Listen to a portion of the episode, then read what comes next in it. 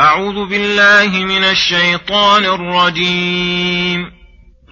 يا أيها الذين آمنوا إن من أزواجكم وأولادكم عدوا لكم فاحذروهم وإن تعفوا وتصفحوا وتغفروا فإن الله غفور رحيم إنما أموالكم وأولادكم فتنة والله عنده أجر عظيم فاتقوا الله ما استطعتم واسمعوا وأطيعوا وأنفقوا خيرا لأنفسكم ومن يوق شح نفسه فأولئك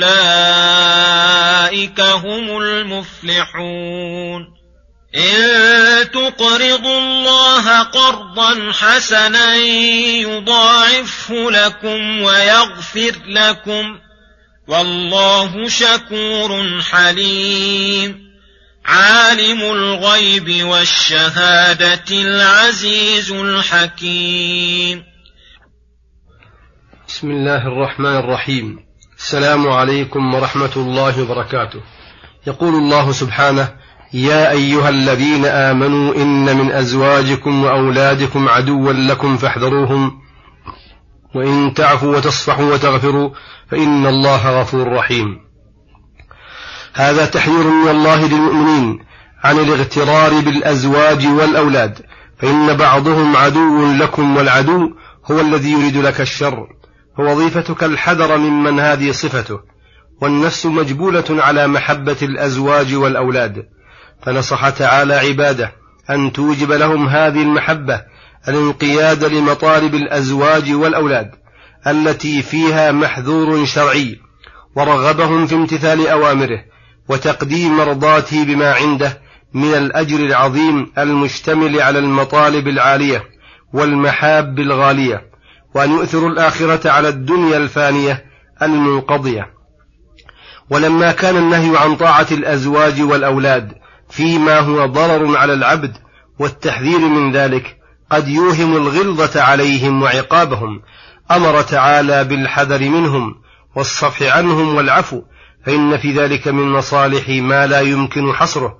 فقال وإن تعفوا وتصفحوا وتغفروا فإن الله غفور رحيم.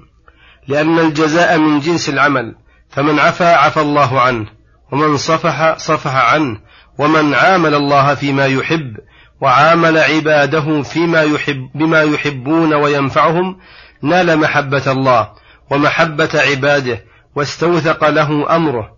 ثم يقول سبحانه فاتقوا الله ما استطعتم واسمعوا وأطيعوا الآيات.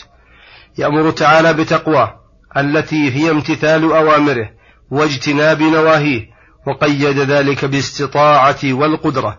فهذه الآية تدل على أن كل واجب عجز عنه العبد يسقط عنه وأنه إذا قدر على بعض الأمور وعجز عن بعضه فإنه يأتي بما قدر عليه ويسقط عنه ما يعجز عنه كما قال النبي صلى الله عليه وسلم إذا أمرتكم بأمر فأتوا منه ما استطعتم. ويدخل تحت هذه القاعدة الشرعية من الفروع ما لا يدخل تحت الحصر وقوله واسمعوا أي اسمعوا ما يعظكم الله به وما يشرعه لكم من الأحكام واعلموا ذلك وانقادوا له وأطيعوا الله ورسوله في جميع أموركم وأنفقوا من النفقات الواجبة والمستحبة يكن ذلك الفعل منكم خيرا لأنفسكم في الدنيا والآخرة. فإن الخير كله في امتثال أوامر الله وقبول نصائحه والانقياد لشرعه والشر كله في مخالفة ذلك. ولكن ثمة آفة تمنع كثيرا من الناس من النفقة المأمور بها وهو الشح المجبولة عليه أكثر النفوس فإنها تشح بالمال وتحب وجوده وتكره خروجه من اليد غاية الكراهة. ومن يوقى شح نفسه بأن تسمح بالإنفاق النافع لها فأولئك هم المفلحون. لأنهم أدركوا المطلوب ونجوا من المرهوب بل لعل ذلك شامل لكل ما أمر به العبد ونهي عنه.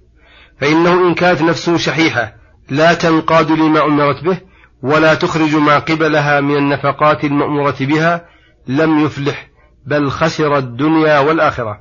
وإن كانت نفسه نفسا سمحة مطمئنة منشرحة لشرع الله طالبة لمرضاته فإنها ليس بينها وبين فعل ما كلفت به إلا العلم به ووصول معرفته إليها والبصيرة بأنه مرض لله. وبذلك تفلح. تفلح وتنجح وتفوز كل الفوز ثم رغب تعالى في النفقة فقال إن تقرضوا الله قرضا حسنا وهو كل نفقة كانت من الحلال إذا قصد بها العبد وجه الله تعالى ووضعها في موضعها يضاعفه لكم النفقة بعشر أمثالها إلى سبعمائة ضعف إلى أضعاف كثيرة ومع المضاعفة أيضا يغفر لكم بسبب الإنفاق والصدقة ذنوبكم فإن الذنوب تكفرها الصدقات والحسنات. إن الحسنات يذهبن السيئات. والله شكور حليم. لا يعاجل من عصاه بل يمهله ولا يهمله. ولو يؤاخذ الله الناس بما كسبوا ما ترك على ظهرها من دابة ولكن يؤخرهم إلى أجل مسمى.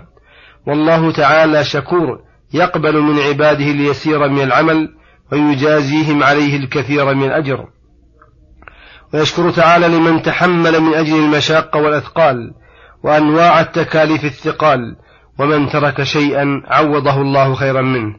عالم الغيب والشهادة أي ما غاب عن العباد من الجنود التي لا يعلمها إلا الله وما يشاهدونه من مخلوقات. العزيز الذي لا يغالب ولا يمانع الذي قهر جميع الأشياء. الحكيم في خلقه وأمره الذي يضع الأشياء مواضعها. وصلى الله وسلم على نبينا محمد وعلى آله وصحبه أجمعين.